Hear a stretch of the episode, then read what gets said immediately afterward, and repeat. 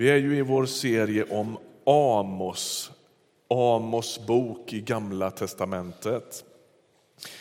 Vi har kallat den här serien När lejonet ryter. Och det har vi gjort dels för att det här uttrycket finns i Amos bok eh, och används som en sorts bild på Amos profetkallelse. Men också för att det är en ganska sträng bok. Det är inte så kul att läsa Amos, men man har sagt att det alltid ska vara kul. Va? Idag blir det rätt kärvt, så fasten your seatbelts så ska vi läsa Amos. Och vi är på del tre nu. Om du har missat de tidigare delarna så råder jag dig att lyssna på dem, inte minst på Eva-Maries inledning när hon lotsade in oss i den här gamla, gamla texten och satte den i sitt sammanhang.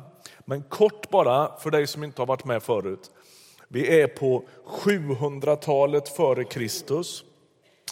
Israels rike, eller det ursprungliga riket, är delat i Nordriket och Sydriket. Eh, Nord kallas för Israel och Sydriket kallas för Juda. Amos han bor i Juda, alltså i södra delen men han predikar och profeterar framför allt till dem som bor i Nordriket, i Israel. Han är bonde och herde och ingen eh, så här, heltidspredikant. Han gör en grej av det i en av de här texterna, att han uppbär ingen lön för det här utan han odlar fikon till vardags. Det är vad han håller på med. Och så kallas han som att profetera då. Och man kan säga att det är två områden som den här boken handlar om. Han kritiserar de här människorna för att han är väldigt kritisk. De har gått väldigt vilse, det här folket. Och han, är kritis han kritiserar dem för två saker. Det har med gudstjänsten att göra, den tomma tillbedjan, där de hela tiden frestas att tillbe andra gudar än Herren Gud. Och på det andra området handlar det om obarmhärtigheten och kylan mot de fattiga. Och om man vill kan man sammanfatta Amos förkunnelse i det som Jesus liksom gör sen när han kokar ner hela gamla testamentet, alla reglerna, lagarna, buden, sederna, traditionerna till en enda mening och säger detta är det största budet av alla. Du ska älska Herren din Gud av hela ditt hjärta, hela din själ, av hela din kraft och hela ditt förstånd och din nästa som dig själv. Och egentligen är det det här Amos gör. Han pratar om deras brist på kärlek och tillbedjan och lydnad mot Herren och deras oförmåga att älska sina medmänniskor. Det är vad den här boken går ut på kan man säga. Eh, och ibland när jag hör människor citera det där, du ska, älska Herren, din, eh, du ska älska din nästa som dig själv, så hör jag allt oftare följande kommentar. Oj, men ska jag kunna älska min nästa, då måste jag först älska mig själv. Då gäller det att älska sig själv riktigt ordentligt. Men är det andemeningen i den här uppmaningen? Att vi ska fastna ännu mer i oss själva? Jag tror att det är ett väldigt tidstypiskt sätt att läsa den här. Jag förstår vad vi menar. Det är viktigt att älska sig själv. Men idén med den här uppmaningen det är ju att kanske släppa sökarljuset lite på sig själv och kanske man på köpet blir en lite friare människa. Man vet aldrig.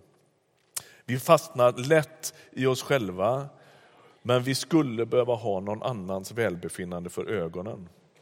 Innan påsk, i förra delen av den här predikoserien, då pratade vi om att Gud söker vår helhjärtade tillbedjan. Israel, eh, de sa sig tillbe Herren, men de hade gett honom Baalsgudens alla karaktärsdrag och till sist slutade det med att de i princip tillber sig själva och blir snärjda i alltihopa det där. Och idag handlar det om andra delen i det där kärleksbudet, att älska sin nästa som sig själv. Och Israels grundproblem, det är andligt. De har vänt Gud ryggen och det får en rad konsekvenser för folket. Men Amos poäng är att de vet ju inte att de har vänt Gud ryggen. De tror att de är rätt ute därför att de slänger sig med alla de rätta fraserna och, och, och maneren och vanorna och så, men de har i någon mening drivit iväg bort ifrån en sann tillbedjan. Och han behöver peka på det i deras liv som är tecken på att det är det som har skett. Han försöker visa dem, hörni, ni tror att ni är rätt ute, men ni är rätt galet ute. Nu ska vi snart läsa texten. Innan vi läser en ganska kärv text skulle jag bara vilja citera den fantastiske Mark Twain. Han har sagt så här en gång. Många människor bekymrar sig över de bibelord de inte förstår. För mig är det tvärtom så att det är de bibelord vilka jag förstår som bereder mig de största bekymren. Är inte det ganska bra sagt? Vi håller på med de här texterna som är obegripliga, men vi skulle ha fullt sjå med att leva efter dem vi begriper. Låt oss börja där. Och det ska vi göra nu. Det kommer några verser nu som är så tydliga så att ja, de kan inte direkt missförstås. Vi ska läsa tre olika avsnitt i Amos bok. Vi börjar i kapitel 2 och läser vers 6 och 7. Så säger Herren. Brott på brott har Israel hopat. Jag vill inte dröja med domen. De säljer den oskyldige för pengar och den fattige för ett par skor. De trampar ner de svaga och skuffar undan de hjälplösa. Far och son går till samma kvinna, så vanärar de mitt heliga namn. Så bläddrar vi till kapitel 5 och vers 10 och framåt. Ni hatar den som för rättens talan i domstolen och avskyr den som säger sanningen. Därför, ni som trampar på den fattige och tar hans säd i skatt, ni bygger hus av huggen sten, men ni ska aldrig bo i dem. Ni planterar härliga vingårdar, men ni ska aldrig dricka vinet. Ty jag vet att era brott är många och era synder otaliga. Ni som förtrycker oskyldiga och tar mutor och hindrar de fattiga att få sin rätt. Därför tiger den kloke i denna tid, ty det är en ond tid. Sök det goda och inte det onda, så får ni leva. Då ska Herren, härskarornas Gud, vara med er så som ni säger att han är. Och så läser vi från kapitel 6 och vers 4 till 6. Ni ligger på elfenbenssängar och latar er på era soffor. Ni äter lamm från jorden och gödkalvar som ni fött upp. Ni skrålar till harpa och diktar allsköns sånger som David. Ni dricker ert vin ur offerskålar och smörjer er med finaste olja. Men Josef, Josefs undergång bekymrar er inte. Vi stannar där. Gemensamt för deras dåliga livsstil och deras oförmåga att gå med Herren det är att det konsekvent drabbar de svagaste i gruppen, i samhället.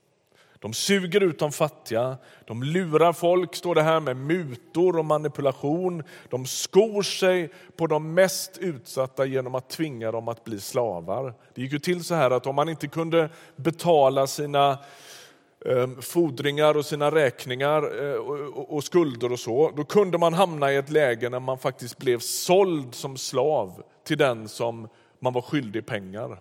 Och här finns det en sorts här, allvarlig reprimand och kritik mot folket att de säljer varandra som slavar. Amos han använder den här sista texten i kapitel 6, sju stycken verb. Varje gång man stöter på talet sju så bör man se upp lite, i alla fall i profetiska texterna. Det är en sorts beskrivning av någonting som är fullt, ett fullt mått, någonting som är mycket. Och här används det sju stycken ord i den här korta texten. Han talar om att de ligger, latar, äter äter, skrålar, diktar, dricker och smörjer. Det är ganska tydligt ändå. va? De lever ett överflödsliv i fullständig liksom, gränslöst sökande efter bekvämlighet, kickar, eh, ett gott liv. Och deras livsstil, stod det i kapitel 2 här, ställer Herren Gud i vanrykte. De har för... Vad stod det? De har vanärat mitt heliga namn, stod det i 2 och 7. Alltså, var med på det då. När handlingarna strider mot Guds vilja och de utförs av människor som säger sig gå med Gud, då blir hans namn nersvärtat och solkat. Och glöm inte då, om vi backar ett steg, grundidén med att Gud har valt ett folk. Tanken är att de ska återspegla Guds rike genom att visa på Guds härlighet, Guds godhet, Guds förlåtelse, hans makt, men också på hans moral och standard. Någon sa att det funkar lite som om man skulle ställa en spegel, låt oss säga att detta är en spegel, att man ställer den i 45 graders vinkel. Det här är folket. De är tänkta att återspegla hela världens tillbedjan upp till Gud. Och när den slår in i folket så, så, så når den Herrens tron. De, de är som liksom tratten som samlar ihop hela världens tillbedjan. Skapelsen och alla människor som tillber den sanne guden slår liksom in här och vänds upp mot Herren. Men det är precis samma sak med rörelsen åt andra hållet. Guds godhet och härlighet och förlåtelse och makt och, och möjligheter, de når folket och slår ut i hela världen. Är ni med? De blir som en spegel som reflekterar åt båda hållen. Det är Guds, folkets uppdrag. Och Poängen är att Gud väljer ett folk för alla de andra folkens skull. I dig, säger han till Abraham, ska alla folk på jorden bli välsignade. Gud håller sig inte med favoriter, utan han utväljer ett folk och kallar dem för hela världens skull. I Gamla testamentet är det Israel som han kallar så att hela världen ska kunna se på dem och förstå vem Gud är. I Nya testamentet är det församlingen som är kallade att återspegla det här och vara den tvärställda spegeln som både liksom samlar ihop hela världens härlighet och tillbedjan och godhet och reflekterar den här tillbedjan upp till Herren men också reflekterar Guds godhet ut i världen. Och Det är när de inte gör det som problemet uppstår. Och Det är då de vanhelgar Herrens namn. När de säger att de går med Gud, men man kan inte se honom när man tittar på dem. Han är inte synlig där.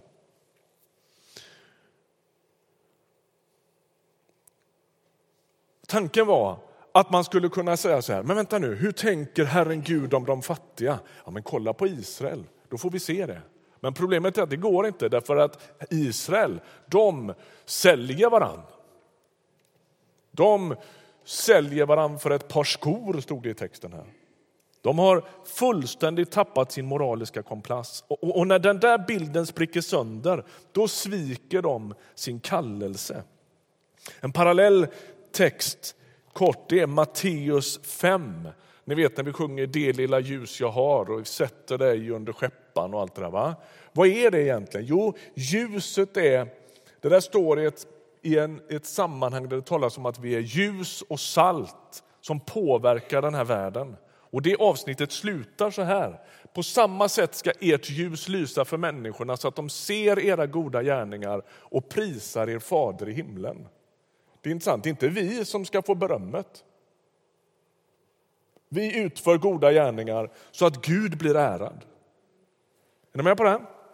När vi lever i den där tvärställda spegelkallelsen och börjar utstråla ehm, Guds godhet i våra relationer, i vår syn på andra människor, i, mötet med oliktänkande, i att älska våra fiender, alltihopa det där. Då är det inte vi som blir prisade, det är Fadern i himlen som blir det. Det är vår kallelse. Och Det var också Israels kallelse. Och De sviker den genom att vara obarmhärtiga mot de fattiga. Och Amos påminner om om man vänder sig till Gud då får det alltid till konsekvens att man också vänder sig till andra människor. Den som säger sig vara vänd till Gud måste också vara vänd till de fattiga. Annars kommer vi inte att tro på det. Hur ser vi nu till att Amos budskap inte bara gör oss trötta och håglösa? Jag har bett en bön inför, jag har bett flera böner inför den här söndagen, men en bön är Gud, jag vill inte skälla på folk. Tänk vad mycket predikanter som har gjort det. Utan vi måste ju tillsammans någonstans försöka komma åt, okej, okay, vad är Guds tilltal i detta? Och jag trängs av det här budskapet precis som jag anar och faktiskt hoppas att också du gör. Kan det vara så att det finns någon hjälp att få i det här? Jag vill att vi läser en parallell text i Nya testamentet och så ska vi försöka se om vi kan hitta någon väg i detta alldeles strax.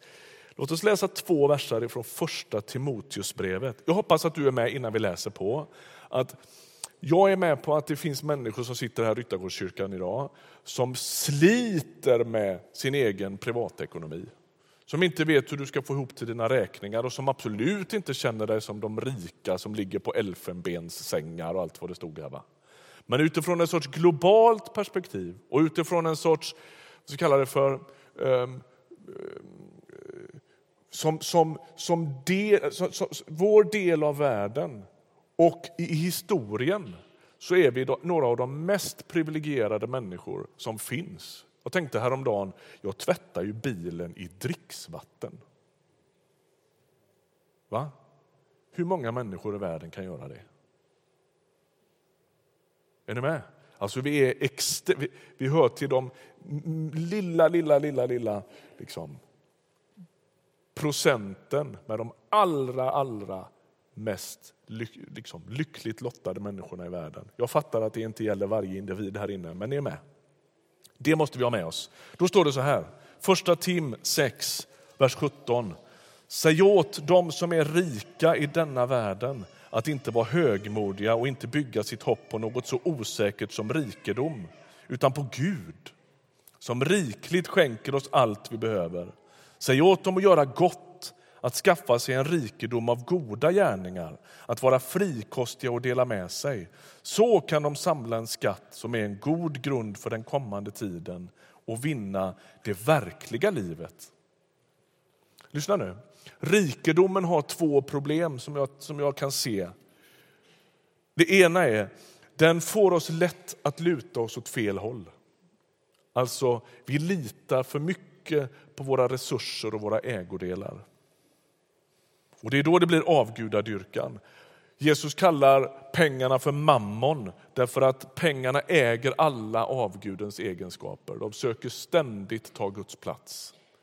Vi låter det bara stanna vid det, det finns mycket att säga om det. Och Det andra är att rikedomen i sin natur är problematisk eftersom andra inte har det jag har. Och det är som att Gud söker någon sorts utjämning. Orättvisan avhjälps bäst genom generositet. Givmildheten gör något med den som ger. Den befriar oss från rikedomens klor, från mammons potentiellt demoniska inflytande i våra liv och den gör något med den som tar emot. Den utjämnar skillnader. Det är intressant att se att Paulus inte säger om någon är rik får han inte vara med. Eller skäll allt vad du orkar på den som har mycket pengar. Nej, hur navigerar man? Hur går lärjungaskapets väg för den som har mycket? Och Den handlar om att inte luta sig åt fel håll och den handlar om att ge så mycket man orkar. Och så står det om det verkliga livet. Det kanske är en viktig nyckel.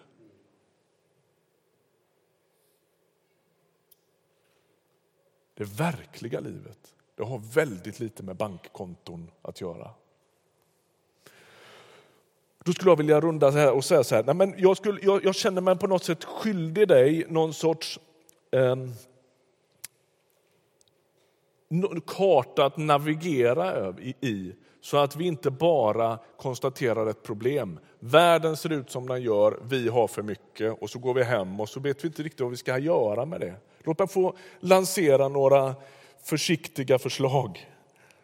Vilket blir vårt gensvar? Jag tror att ordet medvetenhet är viktigt. Det första blir i så fall, vi behöver medvetenhet när vi ger.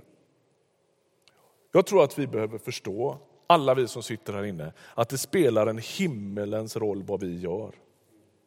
Missmod och cynism säger, äh, det gör ändå ingen skillnad.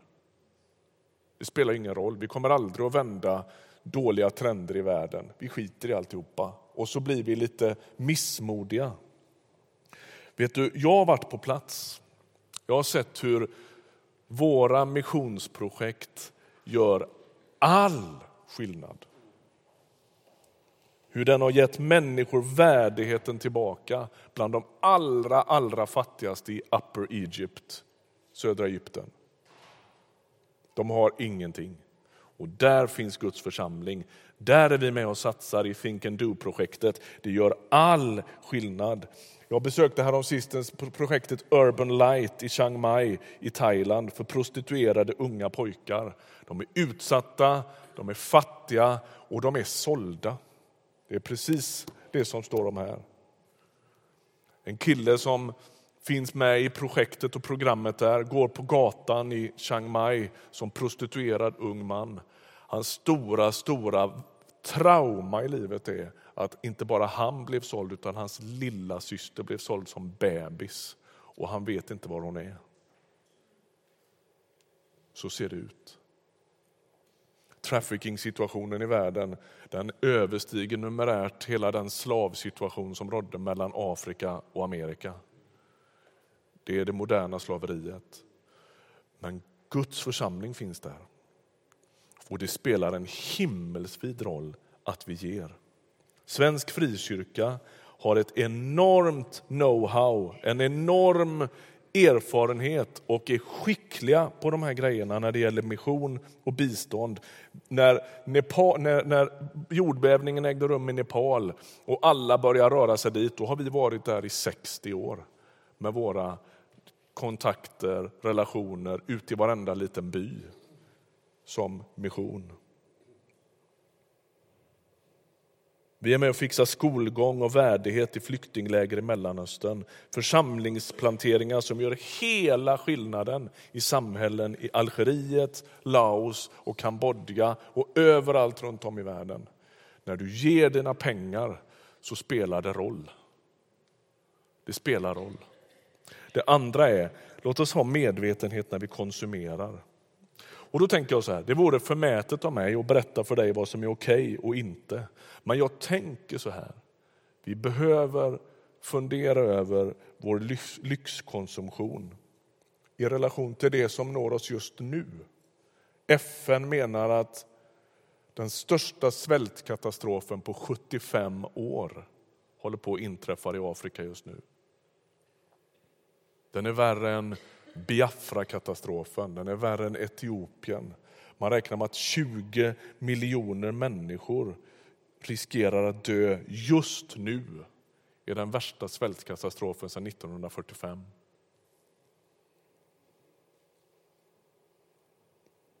FN varnar den största humanitära krisen sedan 45 med svält och hungersnöd i Jemen, Sydsudan, Somalia och i nordöstra Nigeria. FNs humanitäre chef Stephen O'Brien han säger att över 20 miljoner människor i dessa fyra länder kommer att dö. Och han säger utan kollektiva, koordinerade globala insatser kommer människor helt enkelt att svälta ihjäl och många fler kommer att dö av sjukdomar. Jag satt och förberedde mig och försökte föreställa mig hur det är att inte kunna ge sina barn mat.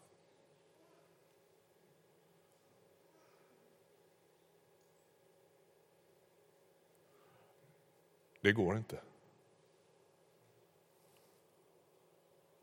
Och då blir min fråga, då säger inte jag att du ska gå runt med något sorts ständigt tyngt samvete så fort du köper något. Men när bad du Gud om ledning inför ett inköp senast?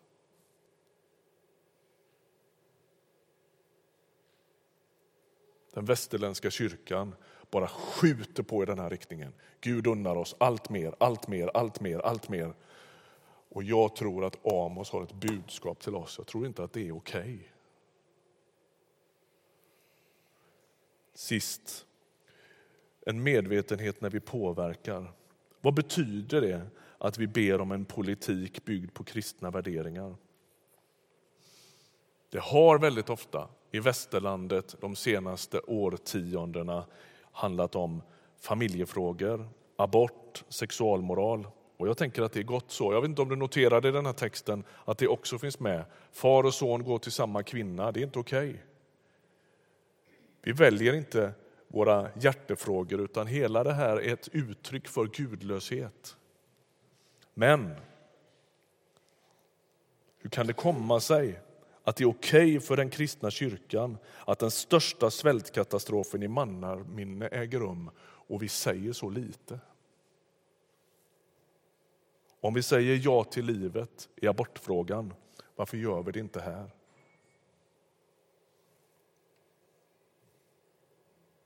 Jag hörde en predikant som stod upp en gång. Jag vet inte om det här blir bra, men jag, jag säger det ändå. En predikant som stod upp en gång och sa så här.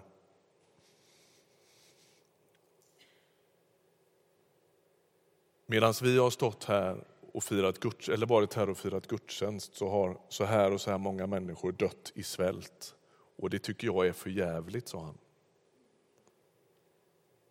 Och så väntade han lite och så sa han, och vet du vad som stör mig? Det är att en del av er är mycket mer upprörda över att jag just svor än över alla människorna som dog.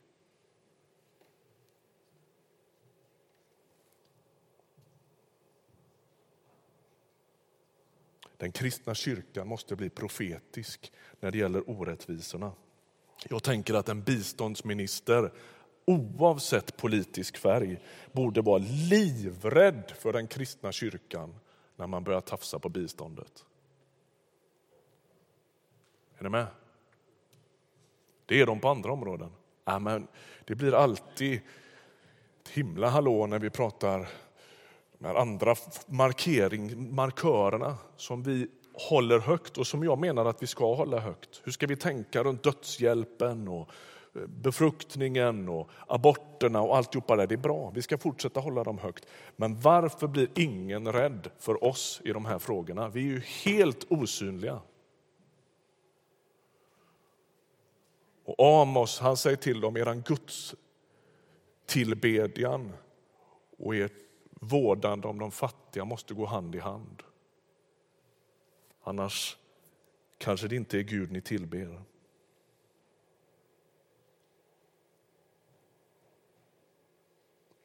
Så vad tar vi med oss från profeten Amos uppgörelse med de här tillbedjarna som aldrig får nog av lyx och bekvämlighet medan världen lider alla helvetets kval?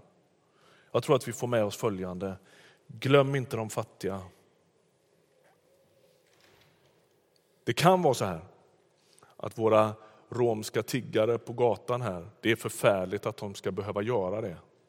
Men tänk om de är en profetisk hälsning till dig och mig. Glöm inte de fattiga. Ge chockerande generöst. Gör medvetna val när det gäller din konsumtion och bjud in Jesus i dina konsumtionsvanor.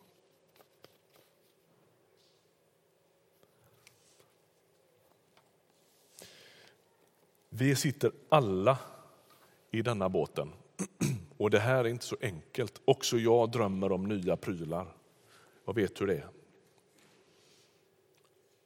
Men kanske vi skulle behöva skakas lite över en sån här text. Den har jättemycket med oss och vår tid att göra. Och jag skulle önska att vi orkade slita lite med dem. Att vi orkade be över detta, att vi orkade vända och vrida på detta. När är det någon i din cellgrupp som senast frågar dig, men hur går det nu med ditt habegär som vi har bett så mycket för? Ha? Hur ser en kristen väg ut i allt det här? Hur följer man Jesus när världen blöder och den kristna västerländska kyrkan äger mer än den någonsin har gjort? Ja, det krävs ett mått av urskiljning i det. Men jag tror att ett gott första steg det är att ge bort mer än man först hade tänkt. En nationalekonom utan någon som helst kristen bekännelse sa följande vid något tillfälle. Att ge bort sina pengar. Eh, han sa så här, pengarna är så intimt förknippade och förbundna med sin ägare så man kan inte ge bort pengarna utan att ge bort lite av sig själv. Så sa han. kunde stått i skriften. Hur botar man mammons potentiellt demoniska krafter i sitt hjärta? Man blir chockerande generös. Man bjuder in Jesus i sina konsumtionsvanor. Och man slutar lyssna på kristna budskap som bara skjuter på i riktningen mer, mer, mer, mer. Amen. Nu ber vi.